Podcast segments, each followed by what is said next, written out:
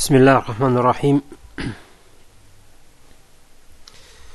إن الحمد لله نحمده تعالى ونستعينه ونستغفره ونعوذ بالله من شرور أنفسنا ومن سيئات أعمالنا. من يهده الله فلا مضل له ومن يضلل فلا هادي له. أشهد أن لا إله إلا الله وحده لا شريك له وأشهد أن محمدا عبده ورسوله. يا أيها الذين آمنوا اتقوا الله حق تقاته ولا تموتن إلا وأنتم مسلمون.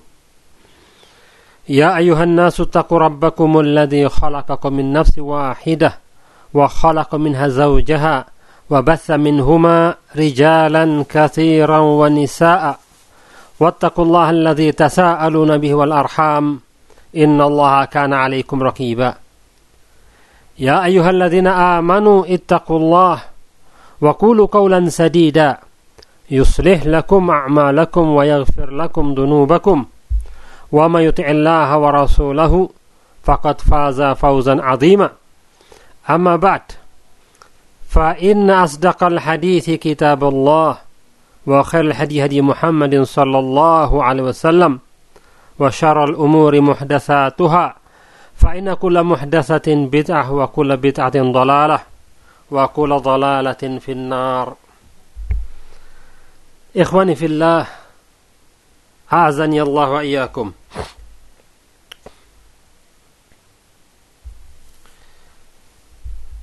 subhanahu wa ta'ala telah memerintahkan kepada kita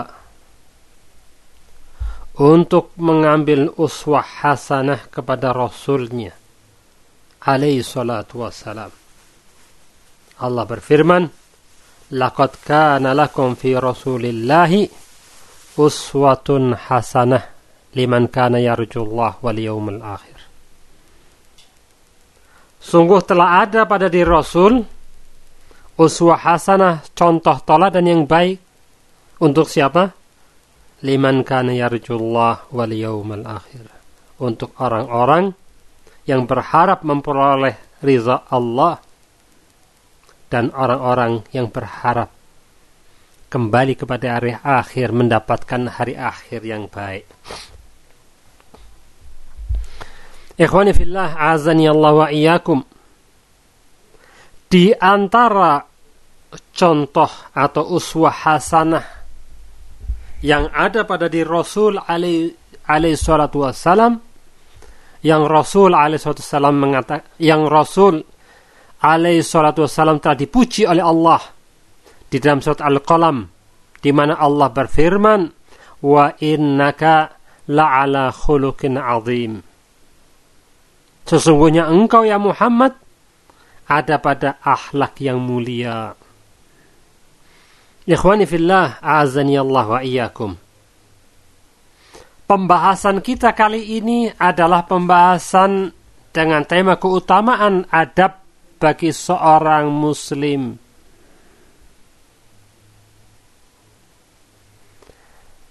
Adab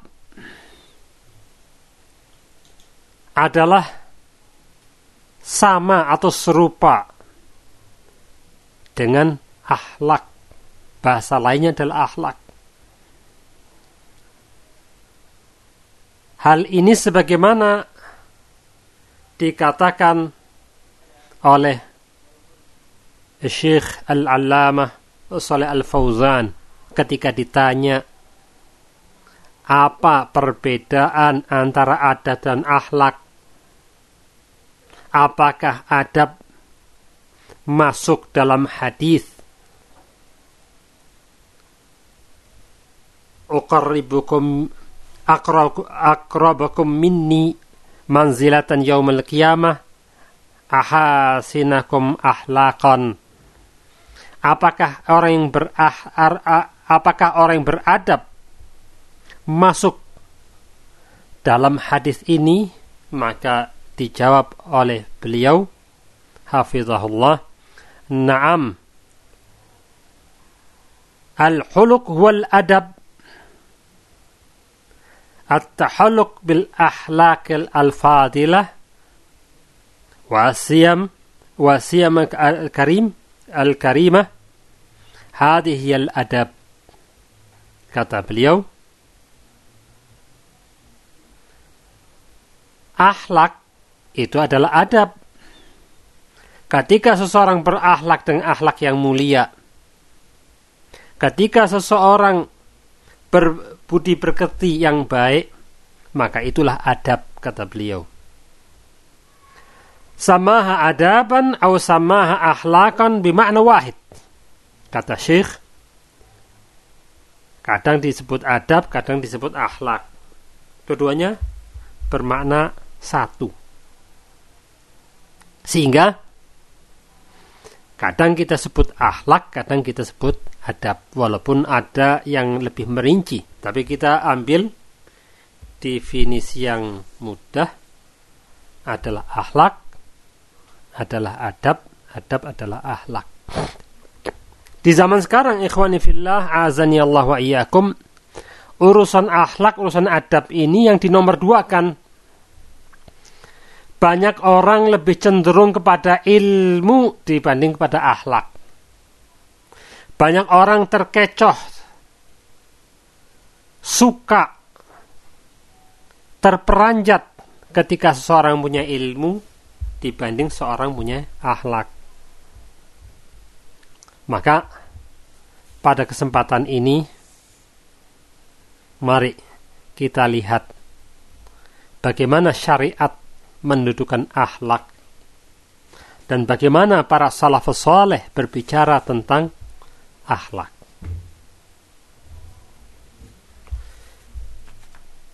Pertama Allah telah menyebutkan bahwa pujian Allah kepada Rasulnya wa innaka la'ala khuluqin azim. Salah satu sifat yang melekat pada diri Rasul akhlak yang mulia dan ini adalah dapat jaminan dari Allah, pujian dari Allah wa innaka la'ala khuluqin azim. Bahwa engkau ya Muhammad ada dalam keadaan akhlak yang mulia. Rasul alaihissalam dalam sekian hadinya berbicara tentang akhlak dan akhlak mempunyai pengaruh baik di dunia ataupun di akhirat. Dengan akhlak yang mulia, seseorang dicintai saudaranya, tetangganya. Dengan akhlak yang mulia, seorang pun akan mendapatkan akhiratnya dengan baik. Di antara hadis yang banyak yang menerangkan akhlak, salah satunya adalah hadis yang diriwayatkan oleh Imam Muslim dari sahabat Nawas bin Sam'an radhiyallahu anhu.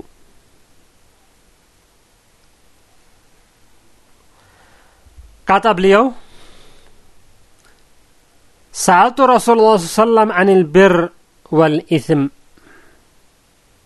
maka beliau mengatakan albir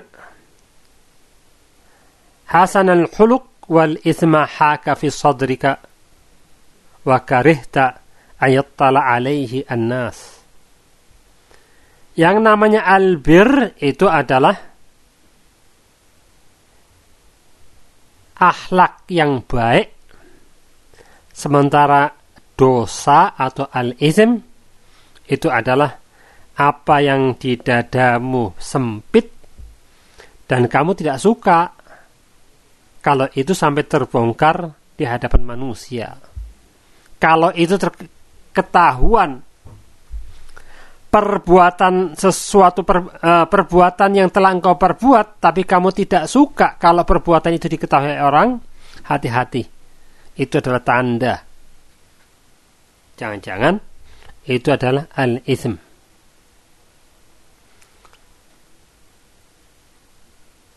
Dalam hadis ini ketika Rasul menerangkan tentang akhlak ketika Rasulullah memberi bicara tentang albir maka albir hus, husnul huluk. Akhlak yang baik. Akhlak yang baik adalah kebaikan. Kemuliaan, mendapat pujian dari Allah dan Rasulnya. Maka hadis ini mengajak kita, menyinggung kita, kalau kita ingin berbuat baik, di antaranya adalah perbaikilah akhlak kita atau adab kita. Dalam hadis lain yang mutafakun alaih, dari sahabat Abdullah bin Amr bin As radhiyallahu anhuma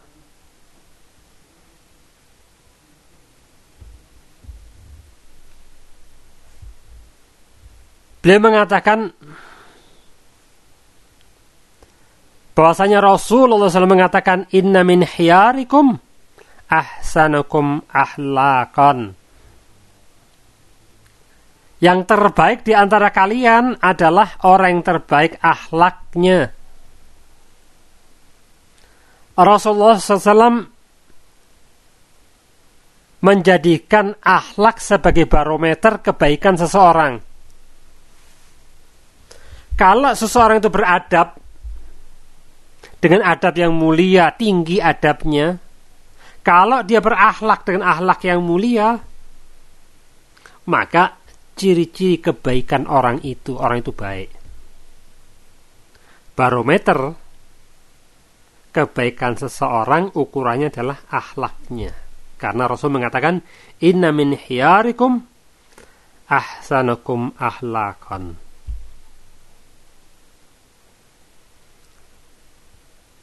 Ketinggian akhlak.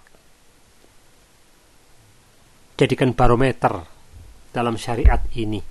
Menunjukkan akhlak ataupun adab mempunyai keutamaan yang tinggi di dalam syariat ini.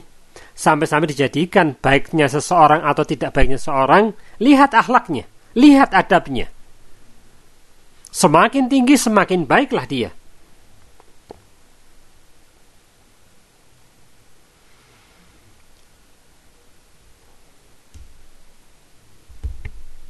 Dikatakan pula oleh Rasul alaihi salatu wassalam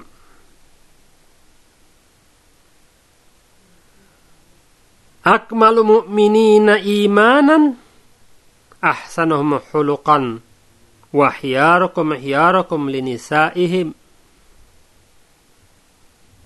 Kata Rasulullah paling sempurnanya orang beriman keimanannya keimanan seorang beriman yaitu yang paling baik akhlaknya dan sebaik-baik kalian adalah orang yang paling baik kepada istrinya. Sekali lagi di dalam hadis ini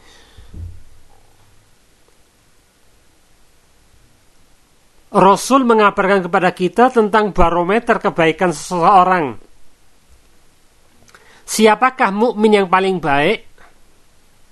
Maka dijawab yang paling sempurna keimanannya, yang paling sempurna akhlaknya, yang paling baik akhlaknya. Kesempurnaan iman dikaitkan dengan kebaikan akhlaknya. Jadi ke tambah baik, tambah tinggi nilai akhlaknya, tambah bagus adabnya, maka tambah sempurna keimanan seseorang. Subhanallah. Rasul mengabarkan kepada kita bahwa iman ada hubungannya dengan akhlak. Semakin tinggi akhlak, semakin tinggi pula keimanannya. Subhanallah.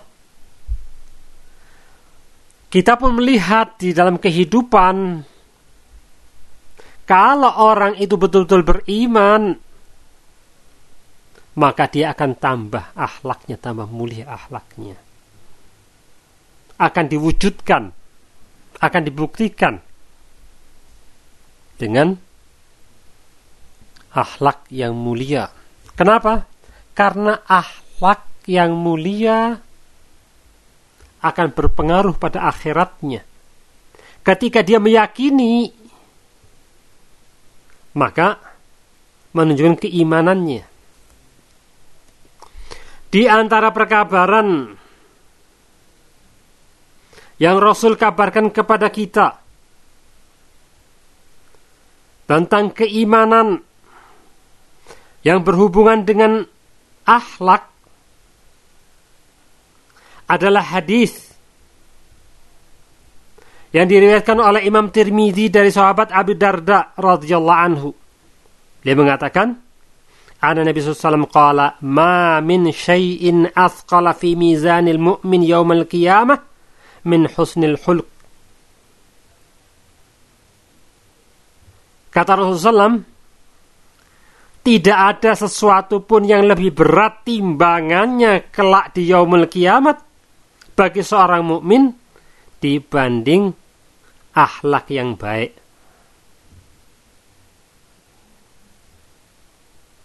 Lihatlah kawan, lihatlah lihatlah ikhwani fillah, azani Allah iyakum dalam hadis ini bahwa Rasul alaihi mengabarkan kepada kita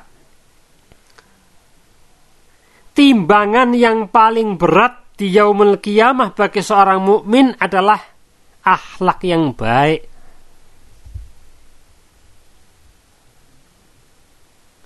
Ternyata ketika kita berakhlak yang baik dan beradab yang baik di dunia, itu akan dicatat oleh Allah dan akan ditimbang kelak di yaumul kiamah. Bahkan semakin baik akhlaknya, semakin berat timbangannya. Maka tadi dikatakan antara akhlak dan iman ada hubungannya. Semakin dia berakhlak, semakin tinggi kualitas keimanannya. Atau kalau seseorang kualitas keimanannya tambah tinggi, maka dia pun akan berakhlak tambah tinggi. Karena ketika mendapatkan hadis seperti ini, Ma min syai'in athqal fi mizanil mu'min yaumil qiyamah min husnil huluk. Kalau dia beriman dengan perkabaran Rasul bahwa mizan timbangan seseorang akan lebih berat kalau dia berakhlak dan akhlak mulia. Kalau akhlak dia baik, akhlak dia tambah tinggi, maka tambah berat pula mizan hasanah yang akan diterima olehnya. Kalau dia beriman, dia akan menjaga akhlaknya. Kalau dia sungguh-sungguh beriman kepada Allah terhadap hadis ini, maka dia akan jaga akhlaknya, akan jaga adabnya. Begitu pula hadis yang lain yang diberitakan oleh Abu Hurairah radhiyallahu anhu. Ketika Rasulullah SAW ditanya tentang siapakah yang terbanyak di antara manusia yang masuk surga atau amalan apakah yang paling banyak memasukkan seseorang ke surga? Maka Rasul menjawab, takwallah wa husnul huluk. Takwa kepada Allah dan akhlak yang mulia.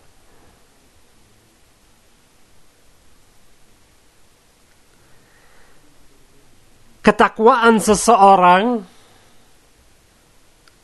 merupakan menjadi sebab seseorang masuk surga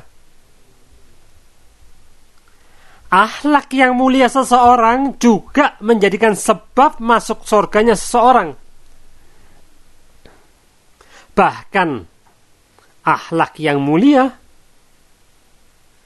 menjadikan sebab yang terbanyak orang masuk surga. Kebanyakan orang yang masuk surga, akhlaknya mulia. Artinya ahlu surga itu adalah orang-orang yang berakhlak mulia akhlak yang jelek, yang rendah, yang tidak beradab, bukan penduduk sorga. Ikhwani fillah, azani Allah wa iyyakum keimanan sekali lagi keimanan terhadap sabda Rasul akan menjadikan kita berakhlak mulia karena Rasul mengabarkan yang terbanyak menjadi sebab seseorang masuk surga adalah takwa dan akhlak yang mulia. Artinya kalau kita mau, kita berharap masuk surga, harus kita menjaga akhlak kita. Harus kita pupuk. Harus kita beradab dengan adab yang mulia.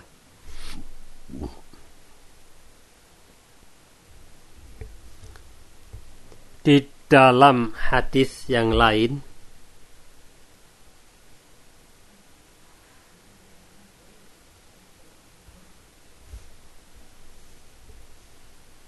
Rasulullah SAW mengatakan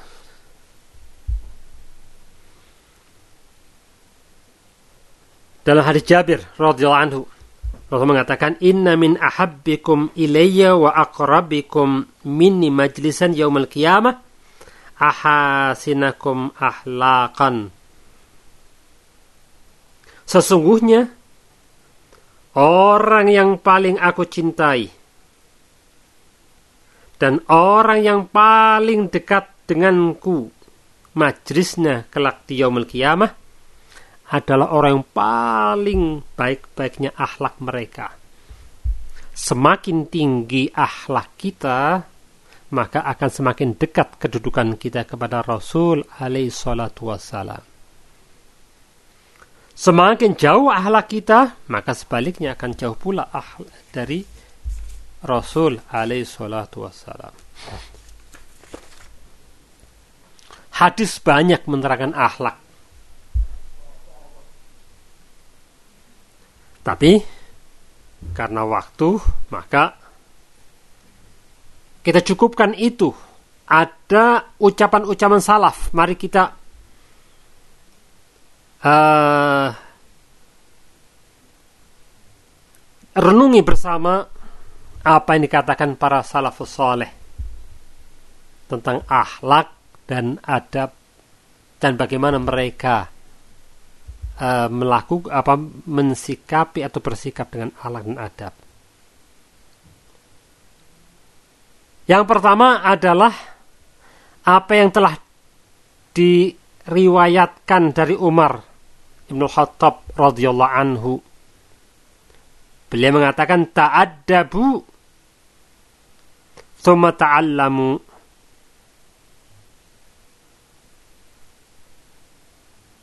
Beradablah kalian, artinya belajarlah adab, baru belajarlah ilmu.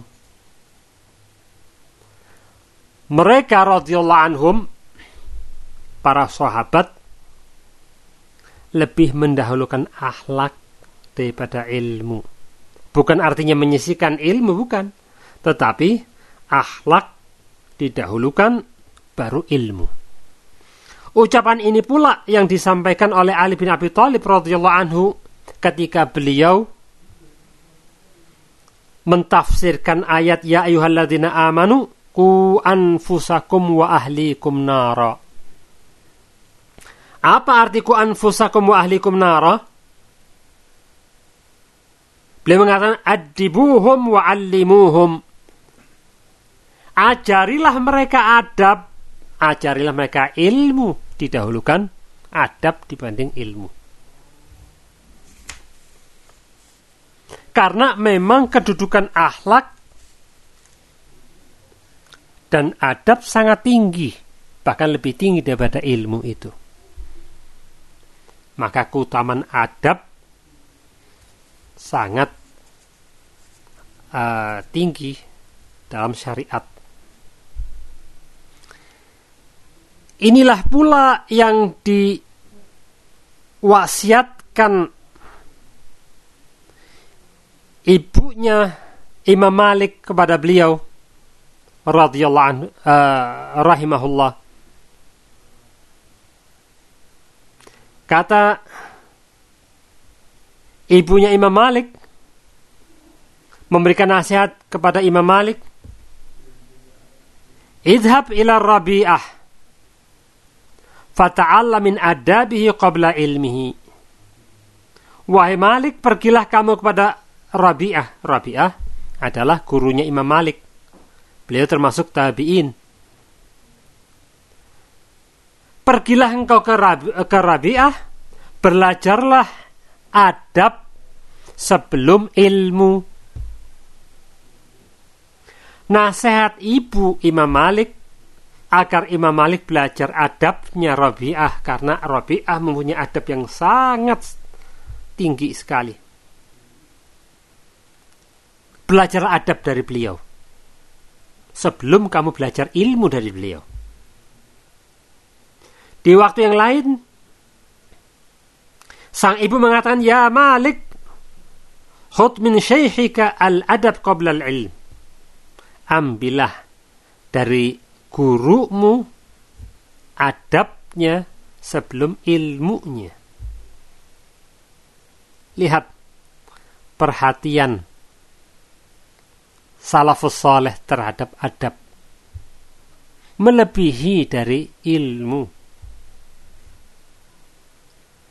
Imam Dahabi mengatakan kana yajtami' fi majlis Ahmad zuhaham sa'alaf atau yazidun. Kata Imam Zahabi, di majelisnya Imam Ahmad itu terkumpul orang banyak. Kurang lebihnya 5000 atau orang. Nah, khamsa mi'a yaktubun wal baqun yata'allamu minhu al-adab wasamt. Yang belajar, yang nulis Artinya belajar ilmu itu 500 orang saja. Sementara yang selebihnya rata-rata mereka adalah belajar akhlak. Akhlak yang baik yang dicontohkan oleh Imam Ahmad. Dan kepribadian yang mulia yang ada pada Imam Ahmad. Bayangkan, dari 5000 lebih yang belajar ilmu yang nyata dan sebagainya ada 500 yang selebihnya lebih cenderung belajar akhlaknya Imam Ahmad. Hadir di majelis untuk belajar akhlak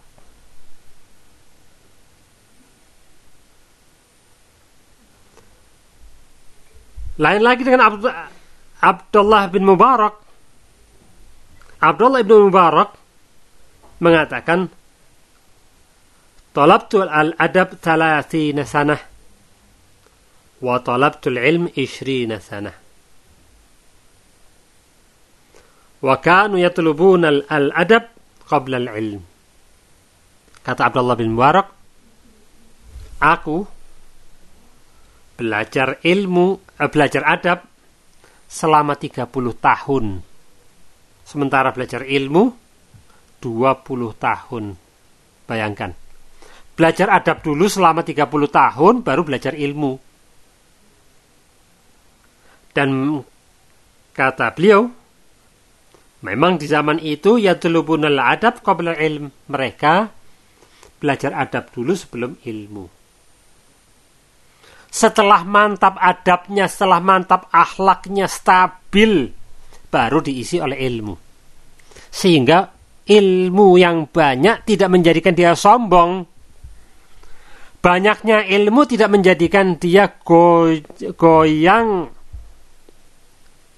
Banyaknya ilmu tidak menjadikan dia lupa diri. Lihatlah para ahlul bid'ah lebih cenderung kepada ilmu, memperbanyak ilmu daripada memperbanyak akhlaknya.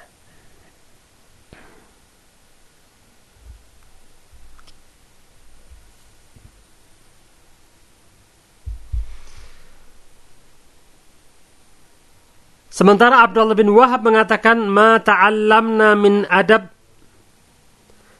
ma ta'allamna min adab al-malik akthar mimma ta'allamna min ilmihi.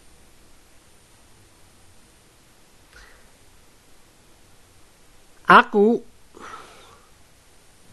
Sungguh telah belajar adab dari Imam Malik lebih banyak dibanding aku belajar ilmunya.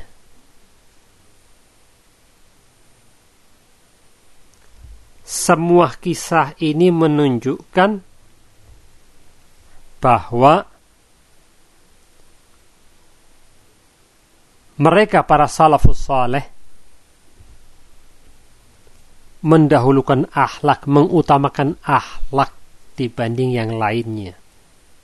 Mereka belajar akhlak itu tidak sebentar. Panjang dia belajar akhlak. Belajar adab bukan satu tahun, dua tahun. Karena adab ini sesuatu yang besar. Seseorang dengan adab akan selamat dunia dan akhiratnya. Seseorang dengan adab dan akhlak tidak akan goncang menghadapi ujian. Tidak akan sombong. Maka seorang ulama